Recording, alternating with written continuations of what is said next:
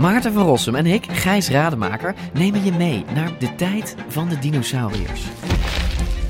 Ja, jij vindt het gemene beesten Het gewoon eigenlijk. gemene beesten. Ja, Kijk, kijk naar ze. Beesten zijn niet gemeen.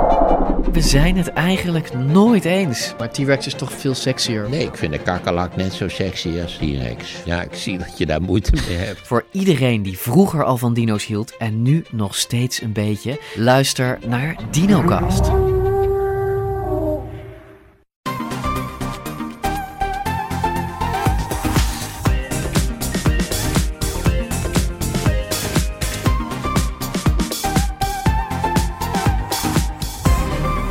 Gelukkig nieuwjaar. Welkom bij de Byte Podcast van donderdag 5 januari met de trending topics in tech van deze week. Ik ben Floris en ik zit hier vandaag met Tony. Yo. En helemaal vanuit Las Vegas, Erik. Goedenavond. Ja, daar is de grootste techbeurs ter wereld aan de gang. En Erik is erbij. In deze aflevering dus de nieuwste tv's, de meest opvallende elektrische auto's en de vreemdste nieuwe gadgets. We gaan beginnen. Ja, de Consumer Electronics Show dus, oftewel CES, de grootste techbeurs ter wereld. Jaarlijks in Las Vegas, maar de afgelopen twee jaar niet echt vanwege corona. In 2020 ging de beurs nog net door, in 2021 was het digitaal. En vorig jaar was het een soort half om half en toen ben je op de valreep niet gegaan, Erik. Nee, dat klopt. Is het nu nee. weer als vanouds, want je bent er wel eerder geweest. Nou, ik moet zeggen, eh, het, vliegva- het, vliegtuig naar, eh, naar Las Vegas toe vanuit Nederland zat echt helemaal rammetje vol. En ook, eh, ook hier op de beurs is het ongelooflijk druk. Dus volgens mij is iedereen echt corona weer voorbij. En het is echt weer een, een oud CES-feestje is het. Mooi. En, en qua opstelling, qua drukte, qua nieuwe spullen, is het ook weer zoals je gewend bent? Nou, ik, ik, ja, eigenlijk redelijk hetzelfde. Eh, we zijn vandaag, eh, hebben we ook een, eh, een aantal van die keynotes bezocht. En daar zaten er zelfs een paar tussen dat ze zeiden, ja sorry, het zit helemaal vol. We hebben ergens achter, achter drie hoog hebben we nog een klein kamertje en daar kan je nog de stream meevolgen. Maar hier kan er niet meer bij. Dus echt iedereen is gewoon weer als vanouds aanwezig. En wat zijn, eh, wat zijn opvallende dingen die je tot nu toe hebt kunnen zien? Ja, het is, eh, vandaag is een beetje een gekke dag. Want morgen dan, eh, dan start echt de beurs. Dus dan is het ook voor, voor bezoekers is het toegankelijk. Wat we vandaag voornamelijk hebben gezien. We hebben wel gelukkig een paar hands-on hebben we gehad. Dus we hebben ook wat producten echt vast kunnen, kunnen houden. En ik vond LG vond ik eigenlijk best wel heel goed te uitspringen. Allereerste ding was hun, hun draadloze televisie. En eh, niet helemaal draadloos, want dat zou natuurlijk heel fijn zijn. Maar het stroom, stroomdraadje moet er nog altijd aan vastzitten. Eh, maar eigenlijk al je HDMI-aansluitingen, je DisplayPort, je, je, je UTP-kabel. Eh, dus ook als je bijvoorbeeld een, eh, een, een, een computer wil aansluiten aan, eh, eh, aan je televisie. Dan hebben ze daar een, eh, een, een los kastje voor. En daar sluit je dat dan allemaal op aan. En dat kan dan met een 4K-resolutie tot max 120 frames. Kan dat dan naar die televisie gestuurd worden over een afstand van 10 meter. En aan de ene kant dacht ik meteen, nou, dat is, dat is te gek. Weet je, als ik ook achter mijn televisie kijk, nou, dat ziet er niet uit, dat is vreselijk. Ehm, maar eigenlijk is het gewoon een beetje een, een verplaatsing van het probleem. Want je moet nog steeds al die apparaten die je normaal gezien op je televisie aansluit, ja, die moet je nog steeds op dat kastje aansluiten. Dus je verplaatst eigenlijk soort van het probleem Ja. naar een andere plek. Dus ja, we zijn er nog steeds niet helemaal. Nee, ik vind het ook wel grappig inderdaad. Het is volgens mij vooral bedoeld, want het is ook in die signature-lijn van LG, die altijd nogal duur is. Ja, Dat ja. zijn tv's van duizenden euro's. Ja, die, die zal, ja, dit ding zal ook wel snel... Het zal me niet verbazen als die 30.000 euro is of zoiets raars. Nee, nee, ja, dus ze die hadden- andere hele grote van ze ook. Ja, ze hadden nog geen prijzen hadden ze beschikbaar voor me. Dat is wel jammer, Nee, maar ik denk, ik denk inderdaad dat het voor ons nog niet te betalen Hij is. zal duur zijn. Ja, Ja, en het is natuurlijk voor mensen die wonen heel mooi in een luxe appartement. Ik ben laatst ook in zo'n showroom van LG geweest. Boven een wolkenkrabber. ja. Ja, zulke mensen zijn het. Die hebben gewoon heel strak design zo'n tv staan. En, maar ja, als je ooit dan een PlayStation wil hebben of zo, die, die kan je dan net even verderop in een mooi designkastje, kan je die wegmoffelen. ja. En dan met Ja. die zender kom je toch, eh, ja, ik, ik snap het wel. Maar het is Eh, nu nog even wachten tot het, tot het een beetje krimpt en, en ook in prijs krimpt. Ja, precies. Ik bedoel, eh, kan je je nog van LG dat, dat oprolscherm wat uit die doos kwam herinneren? Eh, die, ze toen, Ja. die hebben ze volgens mij een paar jaar geleden toen ook op de 6 gepresenteerd. Die kostte al 100.000 Ja. euro. Hè? Dus daar hebben we het echt al over een, eh, over Ja, een flink, dure televisie. Dus nee, ja, het, is- het, het, is kostbaar wat we daar zien. Ze hadden ook nog, eh, dat is nog wel leuk om even te vermelden, ze hadden ook een transparante televisie staan daar. En eh, aan de ene kant denk ik dan, ja, wat is daar dan het, het voordeel van? Zo'n transparante televisie. Want ja, dan kijk je er dus dwars doorheen en dan kan je eigenlijk helemaal niet goed zien wat je wilt zien. Eh, Ehm, maar het is wel weer dat als die in transparant mode staat, want je kan hem inderdaad ook dat hij echt een zwarte, zwarte achtergrond heeft, ja, dan, dan, dan geeft het wel wat meer rust in je huis. Want die televisies, die grote zwarte dingen aan de muur, ik kan me voorstellen dat mensen dat wel lelijk vinden. Maar als je dus echt televisie wil gaan kijken, dan gaat er dus een soort van doek omhoog en op die manier kan je dan wel, heb je wel een zwarte achtergrond, waardoor je beter kan kijken. Maar dat is dan wel weer een televisie die dan weer niet in 4K uh, die je niet in 4K kan bekijken. Die gaat maar tot max Full HD. Dat is dan wel weer jammer. Maar uh, op zich best wel leuk. Ja, precies. En heb je ook nog dingen gezien die, die, die, die wat jou betreft een beetje belachelijk zijn? Um, dingen die een klein beetje belachelijk zijn. Nou, ik, wat ik een beetje scary vond, was dat ze hadden uh, oordoppen die je in kan doen als je wil slapen. En die oordoppen zijn in staat om jou geforceerd naar een bepaald type slaap te brengen. Dus naar je remslaap of je diepe slaap of juist je, juist je lichte slaap. En daarvan dacht ik wel, wow, weet je, dit, dit, dat gaat wel wat ver. Dus daarvan had ik wel zoiets van moet, moeten we dit wel willen en, en wat, wat, wat brengt dit uiteindelijk? Um, maar goed, ze zijn er heel erg over te spreken en ze zeggen echt dat je daardoor uh, veel ontspannender wakker zal worden. Dus, uh, dus dat is iets wat gepresenteerd wordt werd. En dus dat was ook LG, uh, Erik, of niet? Dat was, ja, dat was tevens LG. Ja, LG heeft een, uh, heeft een soort van een nieuwe lijn, dat noemen ze LG Labs. En daar worden eigenlijk ja, heel veel producten gepresenteerd die normaal gezien niet, niet binnen de lijn van LG vallen. Dus, uh, dus dat is wel leuk dat ze ook op die manier samenwerkingen aangaan en, en dus met dit soort ja, grappige oordoppen komen. Die dus, nou ja, ik ben heel benieuwd. Ik bedoel, ze zullen dit jaar ook daadwerkelijk op de markt komen. Dus ik zou ze, ik zou ze wel willen testen. Ze lijkt me wel erg leuk. Um, we waren ook Kijk nog bij hoe het de... heet hoor, de LE Breeze. Oh, wat Ja. een mooie naam eigenlijk. Ja, ja, ja, dat is hem inderdaad. Ja, de bre Breeds. Er zit ook nog ergens een T in volgens mij. Dus um, die vind ik wel leuk. B-R-E-E-Z-E. Breeze. Oké. Oh, toch de Breeze. Oh, dan heb ik het nu al verkeerd. Nou ja, weet je, het is uh, voor veel mensen wel een probleem slapen. Ik zou mezelf ook wel in uh, slaap willen zinken. Klinkt goed? Ja, ja, ja, ja dat kan, kan ik me goed voorstellen. En um, ja, daar was ook, Samsung heb ik ook gezien. Maar ik was zelf, ik heb die stream eerst gevolgd. En ik was niet zo erg enthousiast van wat er gepresenteerd wordt. Ik, hebben jullie die meegemaakt nog? Nee, het was voor ons midden in de nacht. Ja, ja dat is waar. Maar het, het, Tony, jij hebt volgens mij wel het een en ander ook van, van Samsung ook wel voorbij zien komen, toch? Ja, op smart home gebied, uh, daar focussen ze best wel op. Op uh, dit soort beurzen al een tijdje. Want ze hebben natuurlijk hun eigen platform SmartThings. Ja. En dat werkt echt met van alles en nog wat nu. En uh, nou ja, de, ik vond zelf de slimme oven eigenlijk het leukste wat Samsung liet zien. Hebben ook een artikel ja. over geschreven. Omdat dat weer een voorbeeld is van ja, een product die, die veel mensen nog niet in smart vorm hebben. Dus er zijn steeds meer producten, weet je wel, die heb je dan met een slimme variant. En uh, ik denk dat een hoop mensen misschien al wel een uh, wasmachine of zo hebben met een app. Maar ja, deze oven die heeft dus uh, kunstmatige intelligentie. Want er zitten ingebouwde camera's in. Die herkennen wat je erin zet. En dan krijg je al meteen dat alle instellingen goed zijn. Nou, het weet wel een stuk zalm. Pliep, pliep, pliep, alles gaat goed. En ja. je krijgt via een app krijg je live beeld. Via de SmartThings app. Dan kan je meekijken met hoe je eten in de oven zit. En je krijgt uh, notificaties als het dreigt aan te branden. Ja, ik, dus dat ik, vind ik een toepassing van AI die ik niet had verwacht. Nee, en het is wel grappig, want je noemt ook die, die SmartThings app, zeg maar. Ik, ik, ik merkte heel erg dat ze, dat ze bezig waren om, uh, ja, om, om, om eigenlijk het eigen ecosysteem wat ze hebben, om dat daar eventjes nog eens een keer extra te etaleren. Van luister, we hebben zoveel huishoudelijke apparaten hebben wij. Uh, we lopen daarin ver voor op, uh, op wat andere bedrijven allemaal hebben en kunnen. En, en dat willen ze allemaal maar samen laten werken met die, met die SmartThings app van hun. En dat moet iedereen toch maar eventjes weten en even voelen en daarin gaan investeren investeren. Uh, daar kwamen ze ook met een, uh, wel een, uh, een nieuwe SmartThings Hub 2 uit, die ook Meta gaat ondersteunen, zodat ze uiteindelijk dat nog makkelijker ook kunnen koppelen met, met andere apparaten en slimme assistenten. Want die, die hub, dat is een soort, daar kan je geloof ik ook nog mee, ehm, mee opladen. Het is niet, uh, niet een dom kastje dat alleen maar als hub fungeert, geloof ik, hè? Nee, klopt inderdaad. Nee, het is, uh, het is een kastje waar je inderdaad, er zit een knop op. Dus daarmee kan je inderdaad bepaalde instellingen of bepaalde ja, routines kan je er eigenlijk aan koppelen.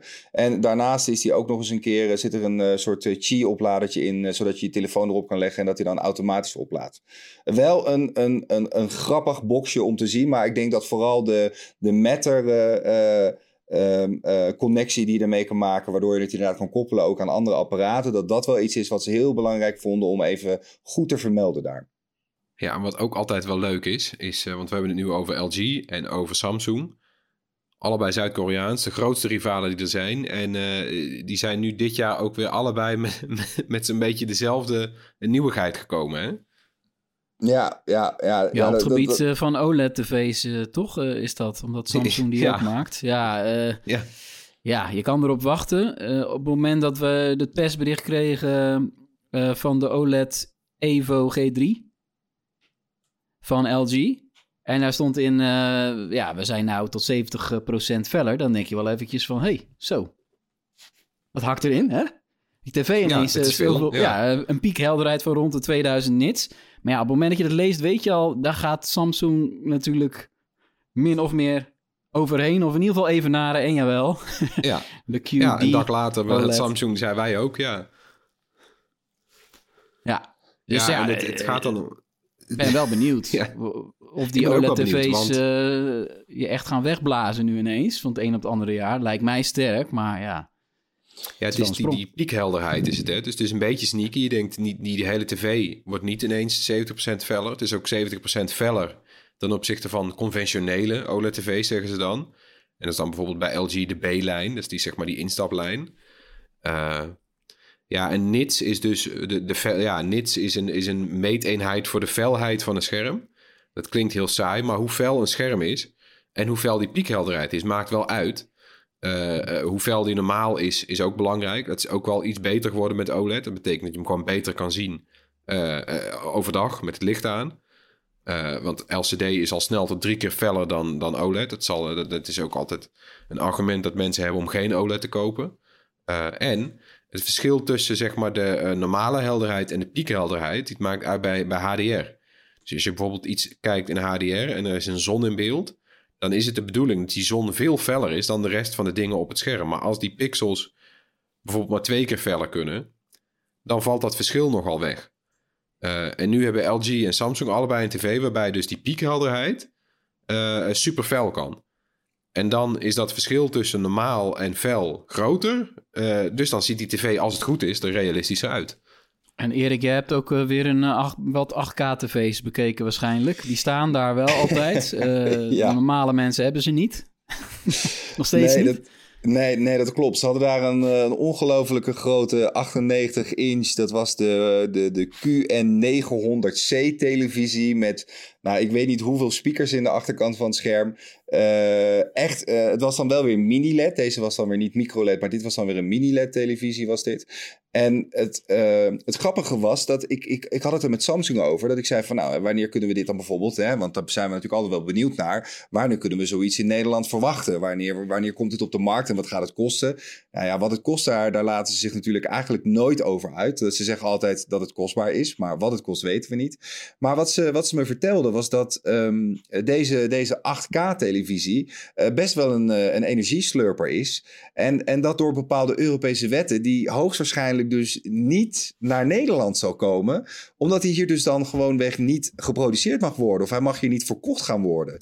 Dat vond ik wel heel interessant om te horen dat je daar dus iets, iets maakt. En dat we nu al weten dat we hem dus eigenlijk binnen Europa niet gaan zien.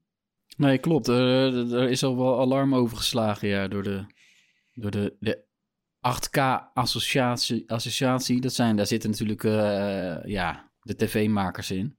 Ja. Die zien erbij al langer, ja, strengere Europese regels. Ja, ja. En dan, uh, ja, is dat zo'n stroomslurper? Ja, kennelijk. Ja, nou ja, ze gaven, ik vroeg dat het ook aan. Dus ik zeg maar, inderdaad, verbruikt hij dan echt zoveel? Zelf gaven ze aan, het valt eigenlijk nog best wel mee. Maar ja, in ieder geval uh, voor, uh, voor Europa waarschijnlijk toch net even een beetje te veel.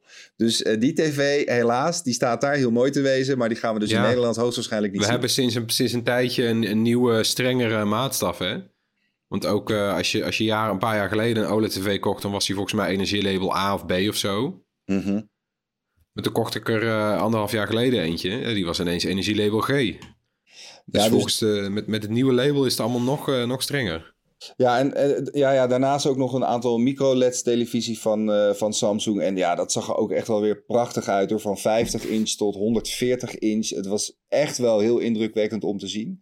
Um, maar ja, ook daarvan ja, toch weer heel weinig extra informatie gekregen qua kosten, wanneer we het eventueel kunnen verwachten. Uh, maar zelfs inderdaad ook wat de refresh rate gaat zijn, dat wisten ze me allemaal nog niet mm. te vertellen.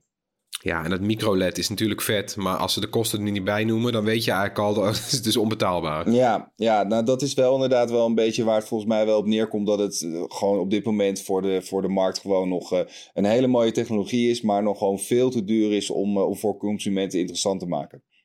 Ja, we geloven de, de, de 89 inch micro-LED tv die ze eerder hadden, die kostte al 80.000 dollar. en, uh, okay. en op die beurs staat geloof ik er eentje van 140 uh, inch. Ja. Dus dat, dat wil ik niet eens weten. Laat maar zitten met de prijs. Nee, ja, inderdaad. 140 inch. Het was echt een bakbeest. Uh, super mooi, maar waarschijnlijk inderdaad echt onbetaalbaar. Voor ons, voor ons, ja. Voor de, voor de normale sterveling. Ja, wij moeten het doen met die OLED. is ook leuk. Iets fellere OLED. Die kunnen we waarschijnlijk later dit jaar wel testen. Maar dan een ander ding op CES staat ook altijd al een, ja, althans een aantal jaren staat CES weer in het teken van vervoer. Want elektrische auto's zijn inmiddels meer, meer tech dan, dan wat, wat anders. Uh, dus dat is psychologisch. Wat, wat viel jou op, Erik, op gebied van vervoer? Nou, ja, wat wel leuk was, is dat uh, Sony was een van die partijen die, uh, die ook dit keer weer aangaf dat ze een, uh, een, een, eigen auto hadden. Dat is natuurlijk niet de eerste keer. We hebben al eerder hebben we, hebben we dat gezien van ze. Maar dit keer was ook echt wel het moment dat ze zeiden: deze auto, zoals die nu hier staat, dat was de Avila. Echt een hele lelijke naam, maar goed. Um, wel een op zich... Ja, een, op zich, ja, het is even ja. wennen. Ja, dat is inderdaad ah, de, het woord feel, zeg maar. Hè? Die auto kan een soort van voelen. En dan hebben ze daar twee keer een A vastgeplakt. Uh, heel intelligent. Maar die, uh, die auto zou ook echt daadwerkelijk in 2026 op de markt moeten komen. En dat vind ik dan wel weer leuk. Dat we nu eindelijk op het punt zijn beland dat die auto ook echt uh, geproduceerd gaat worden. En wat viel er dan op aan die auto is dat die 45 sensoren slash camera's aan boord had. Dus inderdaad de hele omgeving kunnen scannen, maar ook in de auto kunnen scannen. En daar ook dus een stukje extra veiligheid kunnen creëren. Hè? Ben je bijvoorbeeld uh, in slaap aan het vallen of, of er gebeurt iets waardoor je eigenlijk niet meer goed zou kunnen rijden. Dan kan die auto jou dus helpen om die auto aan de kant te zetten. En ze geven ook aan dat die echt helemaal autonoom zou moeten kunnen rijden. Dus um, ik ben wel heel benieuwd wat dat gaat worden in 2026. Ik ben wel blij dat ze inderdaad uh, daarvoor hebben gekozen. Om hem ook echt daadwerkelijk uit te brengen. En ze zijn een aantal samenwerkingen aangegaan met deels dus Honda, die, die is daarbij betrokken. Uh, maar ook, um, wie was er nog meer bij betrokken? Dan moet ik even nadenken. Uh, Epic Games was er volgens mij, of Epic was erbij betrokken. Die, uh, die gaan dan eigenlijk door middel van die camera's oh, oh. en augmented reality. zouden ze in die auto een bepaalde beleving moeten kunnen creëren. Dat is eigenlijk het enige wat ze, wat ze erover konden vertellen. We hadden daar niks zichtbaars over. Okay. En, en Qualcomm is degene die de chips hiervoor gaat leveren. Dus dat is ook een van die partijen die bij deze auto uh, betrokken is. En, en over auto's gesproken, oh, ja. is, wat bij mij opvalt, is dat je dat alle auto's zo langzamerhand een beetje op elkaar gaan lijken. En dat heeft volgens mij te maken met uh, ja, de hele batterijtechnologie, die op dit moment volgens mij een beetje zijn max heeft bereikt. En dat we dus op zoek moeten gaan naar andere manieren om die auto's een, een, langere range te laten krijgen. Dus simpelweg nog gestroomlijnder. En we weten al dat bijvoorbeeld zijspiegels echt ongelooflijk slecht zijn voor het bereik van elektrische auto's. Dus dat is al één. Maar je ziet dus dat zo'n, ja, dat, zie je deels zie je dat bij deze, deze Alifa zie je dat al terug. Maar je ziet het ook terug bij de, de nieuwe Mercedes die daar gepresenteerd is. De EQXX. Al hadden we daar vorig jaar ook al wat van gezien. En daar was die ook al. Maar nou ja, dit jaar blijkt die toch weer een klein beetje vernieuwd te zijn. Uh, en ook als we gaan kijken naar het Nederlandse merk Lightyear. Ja, dan zie je dat al die auto's ja, een beetje dezelfde vorm gaan krijgen. Misschien wel een beetje saai worden. Ja. Omschrijf, omschrijf die vorm eens. Ja, is echt Ja. zoiets... eh, we, gaan, ja. we gaan trouwens... Je gaat een mooie video maken over alle auto's op de CES. Laten we dat nog maar even zeggen. Die komt eraan later deze week. Ja, klopt. Ja, morgen, morgen is dat moment dat we inderdaad eh, zowel BMW eh, gaan zien. Die hebben echt een hele ongelofelijke gave auto daar staan. Daar zou ik zeker even naar kijken. De iVision D. Die vond ik er heel Ja. erg mooi uitzien. Ehm Die is daarnaast, vet, hè? ja, ja, ja, ja, die is echt, echt heel erg. Ik zou hem, als, zoals hij daar nu staat, hij heeft een soort van e-ink, heeft die panelen. En daarmee kan je echt een soort van die auto een hele eigen stijl geven. Eh, je kan bijvoorbeeld eh, rondom de ramen zitten ook, dus, zitten ook e-ink panelen. Daar zou je dan je naam in kunnen zetten. Of, eh, of je favoriete voetbalploeg, als je dat zou willen. Maar er zijn heel veel mogelijkheden om die auto helemaal te customizen op jouw manier. Dus dat vond ik wel een hele leuke. Dus daar ben ik wel erg benieuwd naar. Ik ga nog een mooie rondrit maken met die, met die e, EQXX de- van, van Mercedes. Dus dat is ook wel heel erg leuk. Eh, maar dus ook Nederlandse merken zoals eh, Lightyear met de Lightyear 2. Eh, daar krijgen we een, ja, een sneak preview van. Dus ben ik heel erg benieuwd naar wat dat gaat zijn. En, en je hebt Squad, is ook een, een, een Nederlands, Nederlands bedrijf die met soort van kleine golfkarretjes komen. Ook van twee makers die, Oh, bij ja. Die komen bij Lightyear vandaan. En die zijn uiteindelijk voor zichzelf begonnen. En die hebben dus nu kleine, ja, ik noem het echt golfkarretjes gemaakt. Maar ook met een zonnepaneel op het dak. Eh, ze zijn vrij klein. Je kan ze echt naast elkaar inparkeren op één parkeervak. Dus ze nemen daardoor ook minder ruimte in.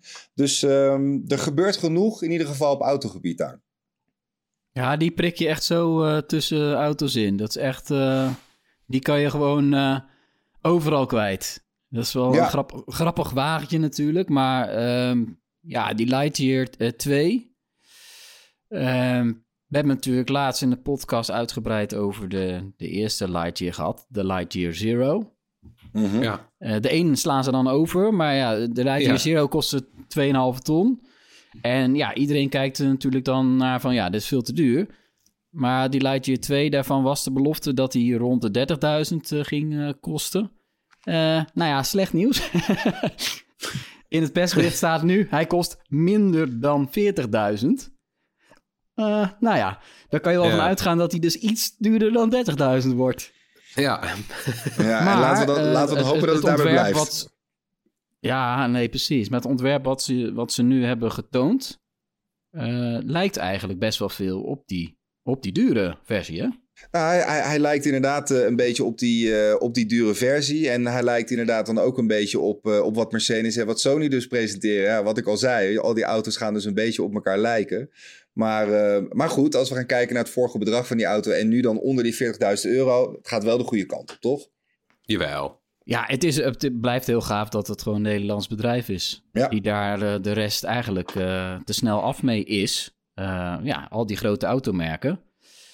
Eh, er is er geen een met een zonneauto.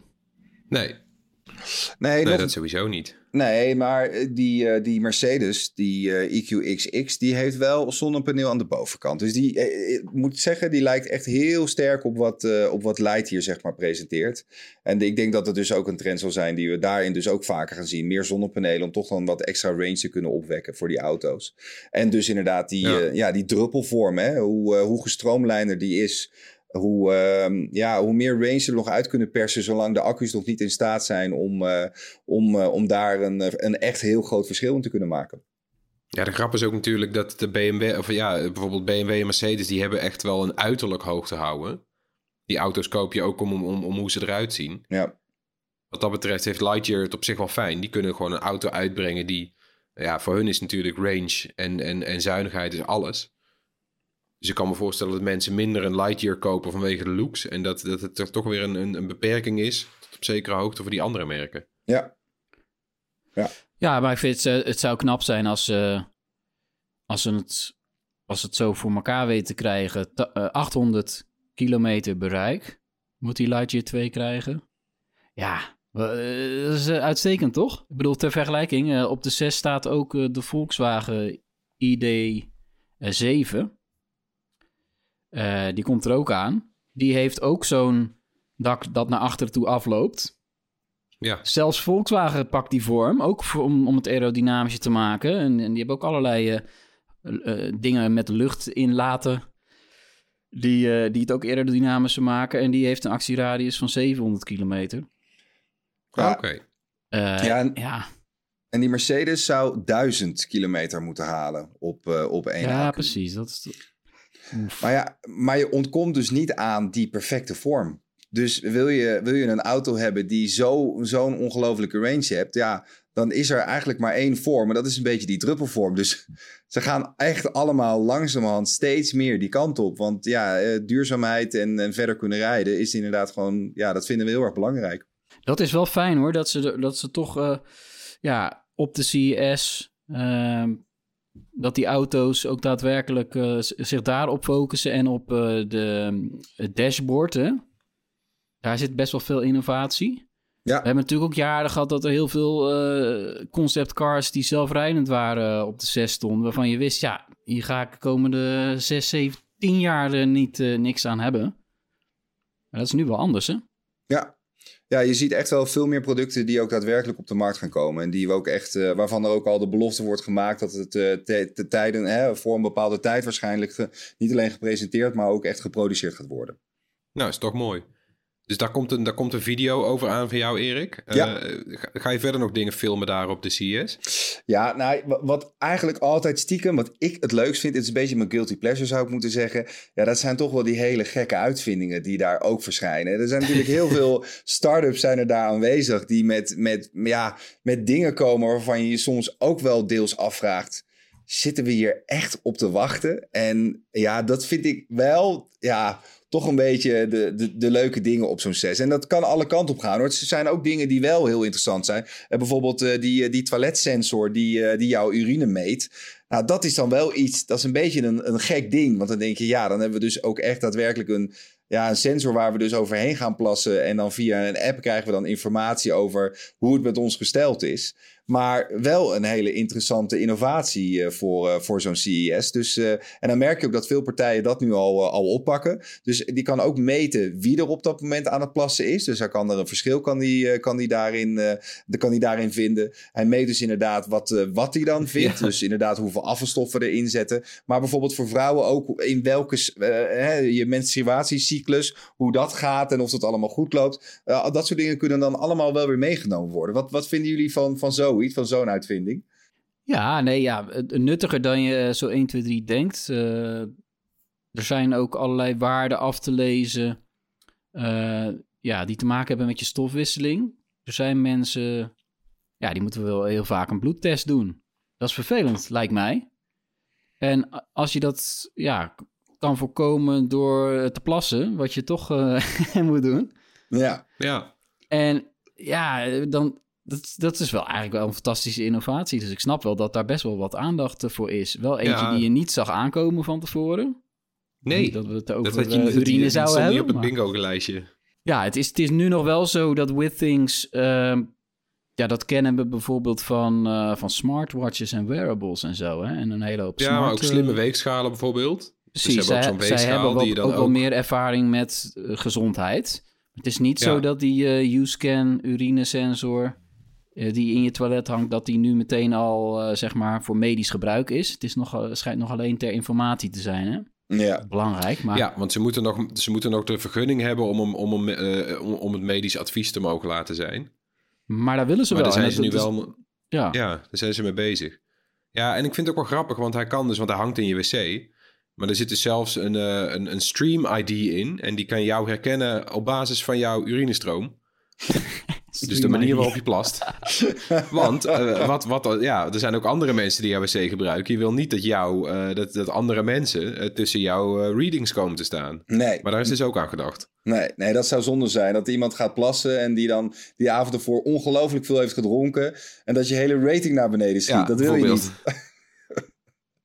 ja, of een van je vrienden met een slecht dieet. En dat die denkt, ja, wat, wat eet je slecht ineens? Ja, nee. Ja, ja. Daar is aan gedacht. nee dus, dus dat, dat soort uitvindingen, daar ben ik gewoon echt heel, heel nieuwsgierig naar. En eh, ik ga voor jullie eh, de hele zes afstruinen om te kijken wat eh, de meest vreemde, doldwaze uitvinding is die, die daar beschikbaar is. Ik hoop dat je nog hele gekke dingen gaat zien, Erik. Veel plezier daar. Ja, helemaal goed. Ik hou jullie op de hoogte en heb een fijne dag vandaag. Ik ga lekker slapen. Wel rusten. Trusten. Gaan we door met het hoorspel waarin we elke week een techgeluid laten horen. Dit was het geluid van de vorige drie afleveringen. En het was een hele vreemde.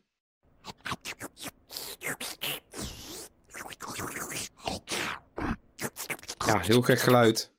Maar toch wisten opvallend Ja. veel mensen het juiste antwoord.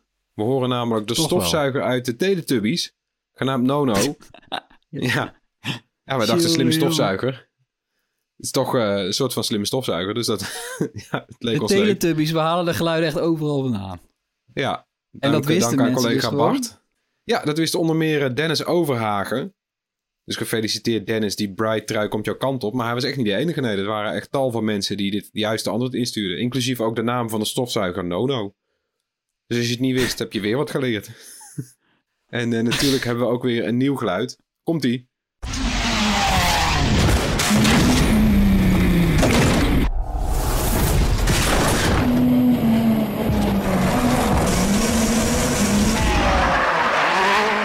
Als je denkt dat je weet wat het is, stuur je antwoord dan naar podcast.bright.nl. Onder de mensen die het juiste antwoord insturen, verloten we de enige echte Bright trui. We hebben ook nog wat kort nieuws voor je en daarvoor blijven we natuurlijk op de 6. Want eh, ook onthuld tijdens de CES is eh, ja, Qi QI2, de tweede versie van het eh, draadloze laadprotocol. Dat door de meeste smartphones wordt ondersteund. Voor eh, Qi 2 heeft de groep achter die open standaard samengewerkt met Apple. En er wordt nu voortgebouwd op MagSafe. En dat is goed nieuws, want binnenkort is het waarschijnlijk mogelijk om dezelfde magnetische oplader te gebruiken voor zowel eh, je Android-telefoon als je iPhone. Dus dat is mooi. Ik vind het goed dat jij gewoon netjes Xi zegt. Ja, Ja, QI. Ja, ik, ja, een hele hoop mensen denken denk ik Ki, maar dat mag niet. Nee, het is heel goed. het, Eh, het komt uit het Chinees, toch? Ja, volgens mij wel. En dit, Ja. ik weet niet meer wat het betekent. Dat moet je me niet vragen, maar eh, nee, ik ook niet. het is wel ehm, ja, opvallend. Het een soort van, eh, eh, ja, opvallende samenwerking met Apple toch. Er is altijd veel gedoe over geweest, over opladen en iPhones. Ja, wie weet. Maar Dus ja, ja, ik kan me voorstellen dat het toch nog niet... eh, ja, ik kan me eigenlijk niet voorstellen dat een Apple Ma- MagSafe accessoire ineens met alle Android-telefoons gaat werken. Lijkt mij ook een... nee. Waarschijnlijk is dat dan weer... eh, want de vraag is ook... Stel, er komt straks zo'n Qi 2-lader, want die komen al eh, eind van dit jaar. Komen die dingen al uit? Of komen de eerste smartphones met Qi 2? Dus dan zullen alle accessoires snel volgen. Maar de vraag is, passen die nieuwe accessoires op bestaande iPhones met MagSafe? Waarschijnlijk niet. Is al duidelijk dat de magneten net op andere plekken zitten. Eh, maar het lijkt er ook op dat Apple wel Qi 2 gaat ondersteunen. Dus dan is er waarschijnlijk alweer een nieuwe MagSafe nodig of zo. Of nou ja, Apple verdient ook weer geld aan MagSafe certificering. Net zoals we kennen van, van de Lightning aansluiting. Dus als er op staat MagSafe, eh, dan is het echt. Hoewel het natuurlijk ook, ja, weet je, op, op magneten in een cirkeltje zit niet echt patent. Dus iedereen kan gewoon MagSafe compatible dingen uitbrengen als je het maar niet MagSafe noemt. Dus wat dat betreft zit er waarschijnlijk nog wel wat speelruimte. Ik ben benieuwd hoe dit gaat lopen, ja. Philips Hue kwam met een eh, nieuwe app voor Samsung TV's, ook op de CES. En eh, die, die app die synchroniseert de beelden van je tv met je Hue-lampen. Dat kennen we van die, van die Syncbox. Weet je wel, die was vrij duur. Eh, Ja, en een, Deze en app- een, een lichtstrip ook, hè? Die kon het ook. Dat je... ja, je ja die hadden ze lichtstrip al, maar ze hebben, op je tv plakken. Ja, die hadden ze al, maar nu heb je, ja, ze hebben volgens mij weer nog meer formaat. Dus, een, ja, dus dan kun je op het formaat van je tv een lichtstrip en is het eigenlijk net zo'n Ambilight tv. En dan alle ja, veelkleurige Hue-lampen die je in je huis hebt, die kleuren dan mee met wat er op de tv gebeurt. En het fijne is, dit werkt ook met de native apps op de Samsung tv. Bijvoorbeeld die Netflix-app of je Disney Plus-app. Want eh, eh, Oh ja. nou ja, die, die Syncbox deed het alleen met eh, dingen die via HDMI waren aangesloten. Dus dan moest je bijvoorbeeld je PlayStation en je Apple TV of je Chromecast aansluiten op die Syncbox. En dan kreeg je de beelden binnen, kon je ze verwerken, doorsturen naar je Hue-lampen. En dan kleurden ze mee. Maar als jij gewoon je smart TV-apps gebruikt, dan werkte dat niet. Nou, op Samsung is dat binnenkort wel zo. Eh, maar alleen voor mensen die daar een hoop geld voor over hebben. Want dat appje Ja. voor op je Samsung QLED. Wat ook nog eens een hele recente Samsung QLED moet zijn. Dat appje kost 130 euro. dat Ja. is een dure download. Ja, een smart TV-app eh, van 130 euro. is echt, Ja. ja. wauw. Ja, Ja, dus- dat, ja. Ik, ik weet niet hoor. ehm, Ja, het is een stuk goedkoper. Sterker nog, het is de helft goedkoper dan die Six Sync box. En ook Ja. eh, goedkoper dan die lichtstrip natuurlijk. Die zijn eh, vanaf 200 euro. Ja. En, en ja, het voordeel is natuurlijk inderdaad dat die streamingdiensten goed werken, die apps. Maar dan nog, hè, eh, het voelt gewoon niet goed om voor Nee, enkel een dit- app 100... Dat, nee, dit, is, dit, Dit voelt dit toch- is ja. toch niet goed meer? Een, tien, een tientje vooruit. Maar het zou verder toch gewoon ook... Ja, dit is toch een soort van samenwerking. Ze, ze werken samen op technisch vlak en dan willen ze nog een keer geld van je hebben. Dit zou toch gewoon in die tv moeten zitten? Ik Ja, vind het nee, een heel ja heel verhaal. apart. Samsung was er zelf kennelijk ook blij mee. Want die hebben het toch eh, ja, ook voorbij laten komen in hun presentatie op de CES. Dus Ja, maar... dit- ja, ik heb nog niemand gelezen die vond, die, die vond van... Oh, prima prijs. Gaan we doen. ja, nou ja, nee. Nee, natuurlijk niet. Maar eh, toch heb ik Bram, onze collega Bram, die heeft eh, eerder dat ding getest. Ehm, ja, die wil- wilde het wel graag gaan testen. Hij was er niet eens heel negatief over. Maar ik kan me niet voorstellen dat hij, eh, dat hij die 130 euro voor gaat aftikken. Ik bedoel, ken jij überhaupt een app die eh, meer dan 100 euro kost? Nee. Dus ja. Niet echt, nee. nee. Nee. Ja, maak, echt- maak, er dan, een- maak er dan een abonnement-app app van of zo. De meeste mensen hebben toch levenslang U-lampen, dus... eh, nou ja, nee, kijk, je, je hebt die U-lamp al gekocht. Ah, kom op, Ja, Philips. Hey, eh, Voor vermogen, ja. Ja, heel apart. En ehm, ja, eh, Floris, jij bent gamer. Eh, ja, er zijn ook altijd heel veel gaming-apparaten op de CES te zien, toch? Maar ja, was, was er nog nieuws dit jaar? Ja, we zagen weer wat dingen, weet je wel, beeldschermpjes voor gamers en zo van LG en Samsung. Wel tof ook, hoge resolutie, hele hoge beeldverversing. Eh OLED-schermen voor gebogen gamers zo, is hè, die- altijd fijn. Ja, geboven. Van die schermen eh, die je dan zelf kan flexen. Ja, zo'n, ja, in 20 standen kan zetten. Het is altijd een beetje eng, Ja. die kan je dan zo naar je toe buigen.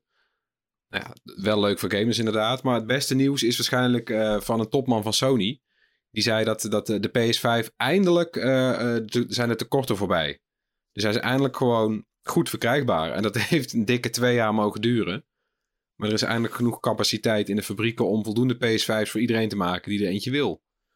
En nou ja, hopelijk volgen dan nu ook de winkels snel met een normaal aanbod. Want de afgelopen weken werd de PS5 al eh, ja, steeds beter beschikbaar in winkels, zag je. Dan las je gewoon, nou, de Mediamarkt daar en daar heeft bijvoorbeeld een partijtje of zo. En die waren dan niet direct uitverkocht. Maar ja, veel winkels verkochten dan die PS5 de afgelopen tijd. Alleen in combinatie met allemaal games en accessoires. En dan was je in plaats van bijvoorbeeld 450 euro, was je ineens 800 euro kwijt. Omdat er allemaal rotzooi bij zat. En dat deden ze eigenlijk soort van, nou ja, weet je, Nou, rotzooi, dat, mooi, mooi verdienen. misschien zat er ook een game bij waar je die je toch al ging kopen. Maar, ja, Ja, precies. Dus dat Ja. zou kunnen. Als je bijvoorbeeld God of War eh, toch al wilde spelen op die PS5. Nou, weet je, mooi meegenomen. Maar dan nog, dan hoef je geen twee controllers te hebben en een oplaadstation en een, een koptelefoon zat er ook vaak bij. Ja. En dat zeiden ze dan. Het is op, en dit op zich ook wel zo. Het was een maatregel tegen van die doorverkopers. Want mensen profiteerden van dat lage, eh, weet je wel, van die tekorten. En dan kocht je gewoon PlayStations in voor winkelprijs. En dan ging je ze daarna met 200 euro winst eh, online verkopen. Nou, dat werkt niet als, als je steeds eh, al die koptelefoons en die games bij moet kopen. Maar ja, die maatregelen straks niet meer nodig. Dus ik hoop dat gewoon heel veel winkels zeggen van hier is gewoon de PlayStation. Koop een PlayStation 5 bij ons voor de normale prijs. Iedereen blij. Het was wel een heel succesvol feestdagen seizoen voor de PlayStation 5, hè? Volgens mij hadden ze Is goed is wel, eh, ja. in- twee maanden tijd 5 miljoen eh, exemplaren verkocht. Ja, dat is gigantisch. Maar dat is veel hoor. Totaal is meer dan 30 miljoen. Ja, gaat lekker. Ja. ja, ze lopen in op de beetje. Ze, ze hadden een soort van achterstand ten opzichte van de PS4. Maar die zijn ze nou aan het inlopen, ja. Ja, het is duidelijk dat die chiptekorten echt voorbij zijn. Dus het werd ook wel tijd dat Sony gewoon ook dit echt op gang eh, kreeg. Ze hebben natuurlijk best wel Ja. veel last van gehad. Ik bedoel, als een van de partijen die misschien wel het meeste hinder van heeft ondervonden. Ja, het is gewoon twee jaar lang. eh het zijn echt mensen die gewoon de- de- anderhalf jaar lang actief op zoek zijn geweest naar zo'n PS5. Het is ongekend. Ja, dus eh, ja, wel fijn dat je niet meer eh, op allerlei veilingsites hoeft mee te bieden. Of allerlei toestanden met formulieren Ja. op webwinkels. En weet ik het Nee, wat je allemaal moest doen, hè? Je moest door heel Ja, veel hoepels springen om leuk. eraan heen te komen. Ja, het was echt ja, in Telegram groepjes. Mensen zaten in Telegram groepjes en dan kreeg je gewoon een alert op je telefoon als er daar weer één beschikbaar was. Hoe ben jij daar aan jouw mensen- PS5 gekomen? Ik heb, eh, eh, ik heb hem vanaf de eh, eerste dag, omdat ik mazzel had. Ik hoorde gewoon via via, oh vandaag begint de, de pre-sale. En dat was een half jaar voordat die, voordat die in de winkel kwam of zo. En toen heb ik gewoon bij bol.com ingevuld van ik wil er eentje. Gewoon eentje besteld. Nou. En nou, die, kwam, die kwam gewoon op, op, de, op, op launchdag kwam die binnen. Zag jij nog wat opvallends, Tony, deze eerste zes dagen? Want het zegt wel altijd iets over waar, eh, waar bedrijven mee bezig zijn op zich. Ja, eh, dus, eh, altijd. De CS heeft toch altijd een aantal van die grote trends die dan het ene jaar ja, meer naar Ja. voren komen. Metaverse we bijvoorbeeld de afgelopen jaren dat veel bedrijven daar iets mee wilden doen op zo'n beurs. ja, En niet echt altijd even concreet, hè? In die fase Nee. zitten sommige bedrijven nog steeds rond dat onderwerp. Gelukkig ook bijna maar, zou je zeggen. Ja, dit jaar zie je ook op de CS gewoon terug dat eh, eh, ja, iedereen in de techwereld is volop eh, zich aan het storten op AI. Artificial intelligence is gewoon super hot. Ik kan geen persbericht openen of het wordt wel genoemd op een of andere manier. En onze mailbox stroomt helemaal vol natuurlijk met van alles en nog wat. En een van de ja, mooiste uitspraken of bijzondere uitspraken op de CES. Eh, want er staan natuurlijk ook een hoop bedrijven. Er staan die topmensen staan daar op het podium praatjes te houden. Dat is niet altijd even interessant. Want dat zijn vaak toch wel een beetje marketingpraatjes, hè? Mhm. Maar ja, Microsoft topman Panos Panay, eh, die, die, daar is, die is daar ook wel echt goed in natuurlijk. Hè? Dat is een man die staat al bekend om zijn uitspraken. En ja, die eh, schoof eventjes aan, of die nam eigenlijk gewoon de hele presentatie van de chipfabrikant AMD over. AMD presenteert natuurlijk allemaal chips met een nieuwe AI-engine. Sneller dan een MacBook Pro's, werd er dan geroepen. Nou, prima. Eh, en ja, ineens eh, was het eh, een kwartier lang de Panos Panay show. ja. Met de topvrouw van AMD naast hem. En vraag natuurlijk, wat, wat deed hij daar dan bij, bij, bij AMD?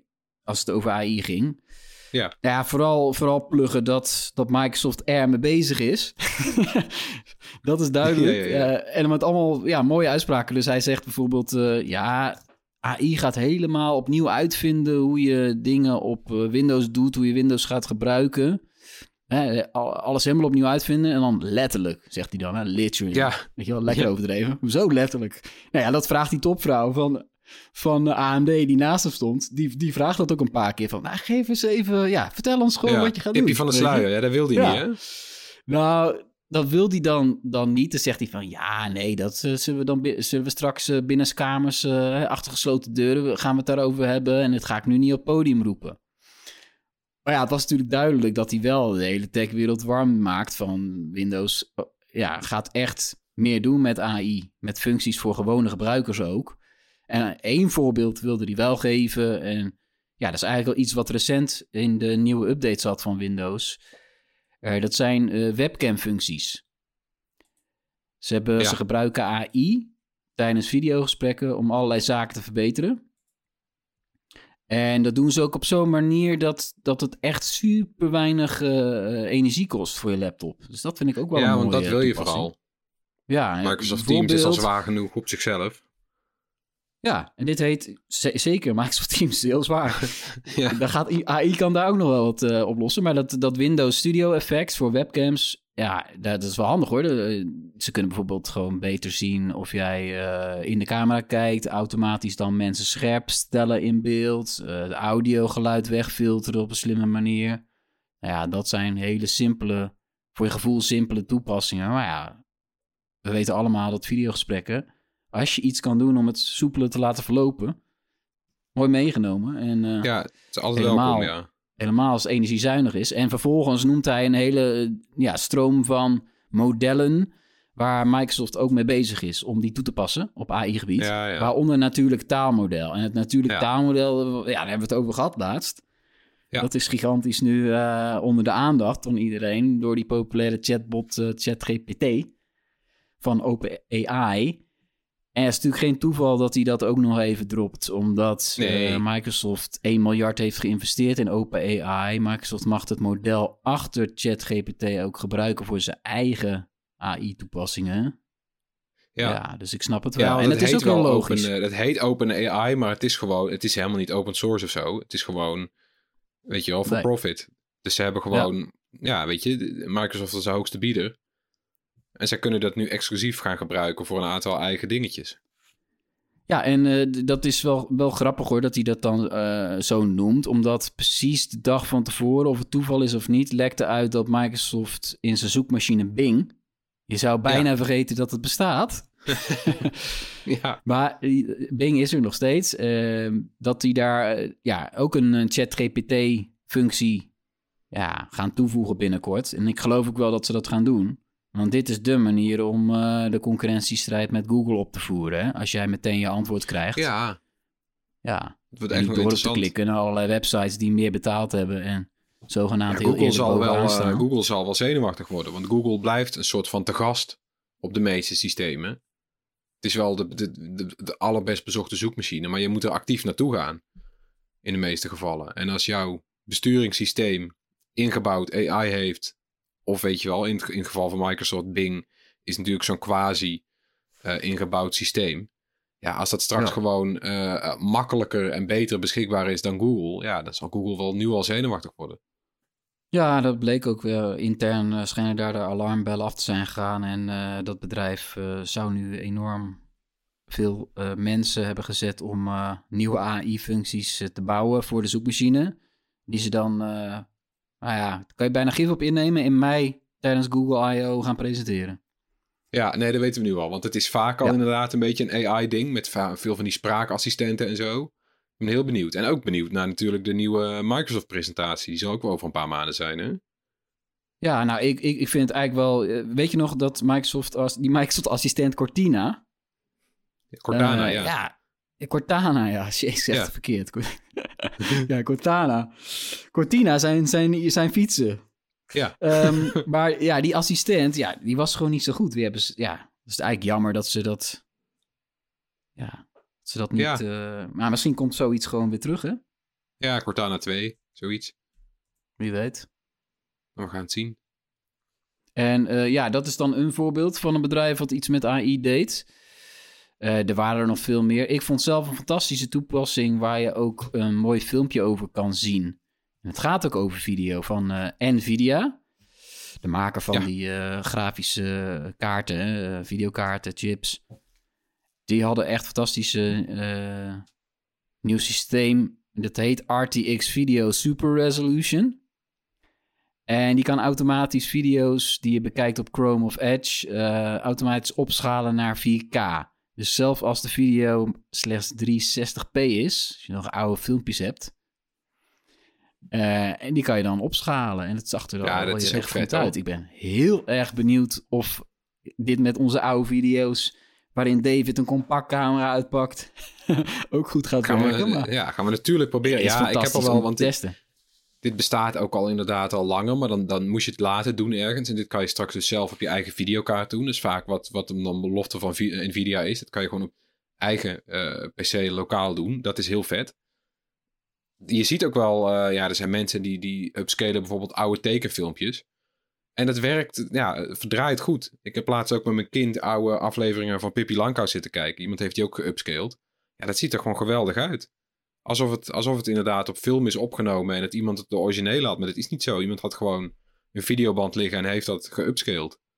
Ja, be- be- ben ik ook wel benieuwd naar eh, ja, oude videoclips. Eh, eh, dat is een toepassing van AI. Dan de allerlaatste toepassing die ik nog even kort wil noemen... is een toepassing van een Nederlandse start-up. Want dat is op de CES ook altijd vaste prik. Er is altijd een groepje Nederlandse start-ups... die daar naartoe mag gaan. Die worden uitverkozen en eh, ja, dat is niet niks. Er zijn er 70 zelfs dit jaar. Eentje ervan, Alpha Beats uit Eindhoven. Eh, die gaat met AI de strijd aan met burn-outs. En hoe doen ze dat? Dat doen ze door te meten hoe jouw lichaam op bepaalde muziek reageert. En dan Mhm. vervolgens met AI de frequenties daarvan aan te passen. En dan weer metingen te doen. En op basis van ja, die biofeedback, zoals dat heet, wordt er dan muziek gecreëerd door de software. Waarvan ze zeker weten dat jouw hersenen er sneller van in de ontspanningsstand komen. ja, ja. Nou, het klinkt wel, eh, klinkt wel bijzonder. Dat, dat kan ik wel eens gebruiken zo nu en dan. eh. zeker tijdens die- zo'n techbeurs. Dat je, Ja, absoluut, dat ja. je in ontspanningsstand eh, komt. Ik denk dat een hoop mensen, ook Erik, dat wel kunnen gebruiken. Ja, normaal moet je daar een, voor naar een middeltje grijpen. Maar als het gewoon op deze manier kan, ja, graag. Ja, en dan hebben we tot slot zoals elke week weer onze tips. Geen van Erik, die slaapt inmiddels al een tijdje. Maar eh, Tony, heb jij een leuke tip? Ja, eh, een, een docuserie eh, over Richard Branson, de bekende Britse miljardair, op HBO Max. Ja, en daar ben ik zelf super kritisch over, over dat soort milja- miljardairs.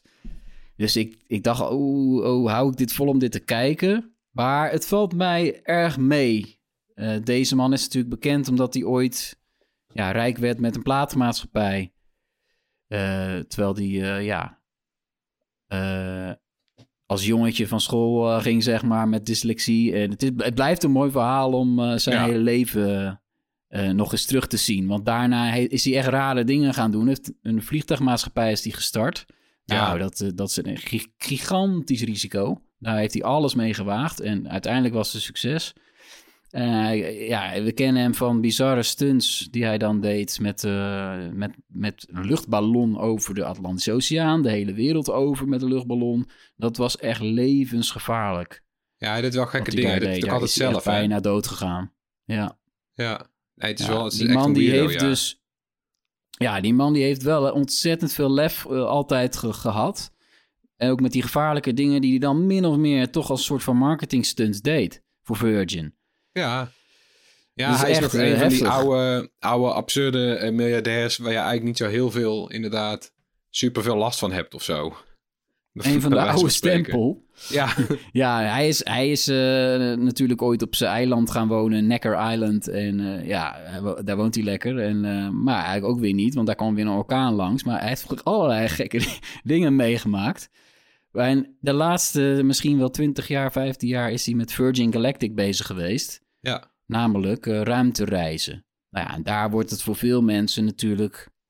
Ja, daar haken veel mensen toch wel af, denk ik. Van, ja, eh, miljardairs die naar de ruimte vliegen, weet je wel. Nou, Ja. het is hem wel gelukt. Uiteindelijk, er zijn meerdere doden gevallen in het ontwikkelproces. Eh, dat, Zwaar, ja. dat is zo. Ja, absoluut. Uiteindelijk is het hem vorig jaar zomer, een paar dagen voor dat concurrent Jeff Bezos de ruimte inging, is het hem gelukt. En eh, ja, gelukkig zit er dan ook in die documentaire ook nog wel wat kritiek op hem. En het eigenlijk het mooiste van die docuserie is eh, de dingen die zijn vrouw en zijn kinderen over hem zeggen steeds. In bijna elke aflevering eh, zat ik te kijken en dacht, oh ja, deze, deze man heeft best wel veel tegengast. En die weten ze goed, ze weten hem op de, bij hem op de rem te trappen. En ook ja, een beetje wat zelfkritiek erin te krijgen. Ja. van zichzelf waarschijnlijk niet eh, heeft. Nee, heb je wel ja, nodig, als, jij, hè? als je een vliegtuigmaatschappij hebt. Ja, dan, en dan vervolgens gaan doen alsof alles eh, wat je doet eh, voor de klimaat is, Ja, zeg maar. Hè? Ja, gaat het niet, staat hè? een beetje haaks op elkaar, hè? Ja. En een ruimtereis al helemaal. Ja. Nee, het is een beetje gek. Ruimtetoerisme is natuurlijk al wel... Maar ja, dus ja, heel goed, heel leuk om te zien wat zijn omgeving daar dan van zegt. Dat Ja, vond ik misschien nog wel leuker dan wat die man zelf zegt. En dat deed me ook denken dat sommige andere miljardairs eigenlijk ook best dat soort partners en kinderen zouden moeten Ja. hebben. Ik denk het ook. En daarna moeten luisteren. Zou Dat moet je dan ook wel doen. Ja, ja. En, dan- want hij luistert er ook echt naar. Ja. Dus hij heeft ook wel beslissingen de laatste jaren genomen op basis van wat zijn dochter bijvoorbeeld zei. Nou, dat is leuk. En Ja. waar kunnen we dit zien?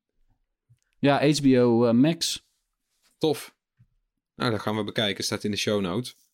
Ik heb ook wat gezien. Dus Glass Onion op Netflix. Veel mensen zullen het denk ik ook al gezien hebben. Want het is de op twee na best bekeken film ooit, heeft eh, Netflix gezegd op hun platform. Zo. Ja, het is, het is het vervolg op eh, Knives Out. Ook weer geweldig. Weer zo'n murder mystery met detective Benoit Blanc. Gespeeld door Daniel Craig. Doet hij zo goed. Je vergeet meteen dat je naar James Bond zit te kijken eigenlijk. Ja, ik, ik zat te twijfelen, zal ik hier naar gaan kijken? Maar dan denk ik van, nee, ja... Nou, Ja. ja. Ver- Verpest het is- je het dan eigenlijk niet als je heel erg eh, de Bondfilms... eh Nee, het is, ik zal het je sterker vertellen. Ik heb toevallig eh, ter voorbereiding hierop, op Glass Onion, heb ik Knives Out nog een keer gekeken. Toen dacht ik, oh ja, ik heb die nieuwste Bondfilm nu gekeken. Heb ik die gekeken. Ook weer een paar dagen later. En daarna weer een paar dagen later Glass Onion. Maar Daniel Craig is gewoon zo'n goede acteur dat je gewoon... Nou, hij, speelt, hij, hij verdwijnt in die rol en je hebt helemaal niet in de gaten dat het een heel... Ja, het is, het is gewoon een heel ander persoon waar je naar zit te kijken. Dus het maakt helemaal niet uit. Nee, het het, Bond eh, hoofdstuk is gewoon dicht. Dat is gewoon, het boek Ja. is dicht. Dat, Ja, dit is eh, gewoon een heel ander personage. Want het is, ja, Ja. Het, is, het is een detective met zo'n Zuid, zuidelijk Amerikaans accent. Weet je wel? Ja, god, wat hij vandaan komt uit Tennessee of zo. En dan, het- hij is de enige schakel tussen Knives Out en Glass Onion. Voor de rest zijn het allemaal andere personages. Nieuw mysterie waar hij in komt. Eh, de toon is ook heel anders, want het is nou ja, ook weer een, een, een mysterie met een, een miljardair eh, die erbij betrokken is. Ook een absurde megalomane miljardair die een soort van lappendeken is van Elon Musk en Richard Branson en alles wat je erbij kan bedenken. Is wel heel leuk gedaan. Er zit natuurlijk ook weer een hoop maatschappijkritiek in, maar het is gewoon ontzettend grappig. eh, ja, een leuk mysterie wat je ook zelf in je hoofd als soort van zou kunnen oplossen. Vind ik ook altijd wel goed. Het moet niet zo zijn dat je aan het eind van de film... eh, dat- dat- dat- er moet wel een oh ja moment komen en niet zo van ja, maar dat had ik niet kunnen weten. Dus hier zit wel een oh ja moment. En, eh, En er zaten heel veel grappige verwijzingen in naar allerlei andere dingen. Ja. Andere films, an- games zelfs. En, ja, hè? Dat had ik, ja, dat had ik dus, voorbij ja, het vol met een soort wordt. verwijzingen. Ja, dus, dus ja, Ja. ik vind het leuk gedaan.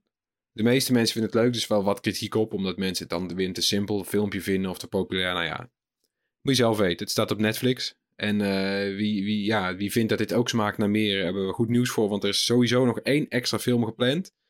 En Daniel Craig en regisseur Ryan Johnson, die hinten al naar nog meer films. Dus ja, check Glass Onion op Netflix. Ja, dat was hem weer. Bedankt voor het luisteren. Laat gerust iets van je horen. Mail naar podcast.bright.nl of drop een DM op een van onze sociale kanalen. Tot volgende week. Joe.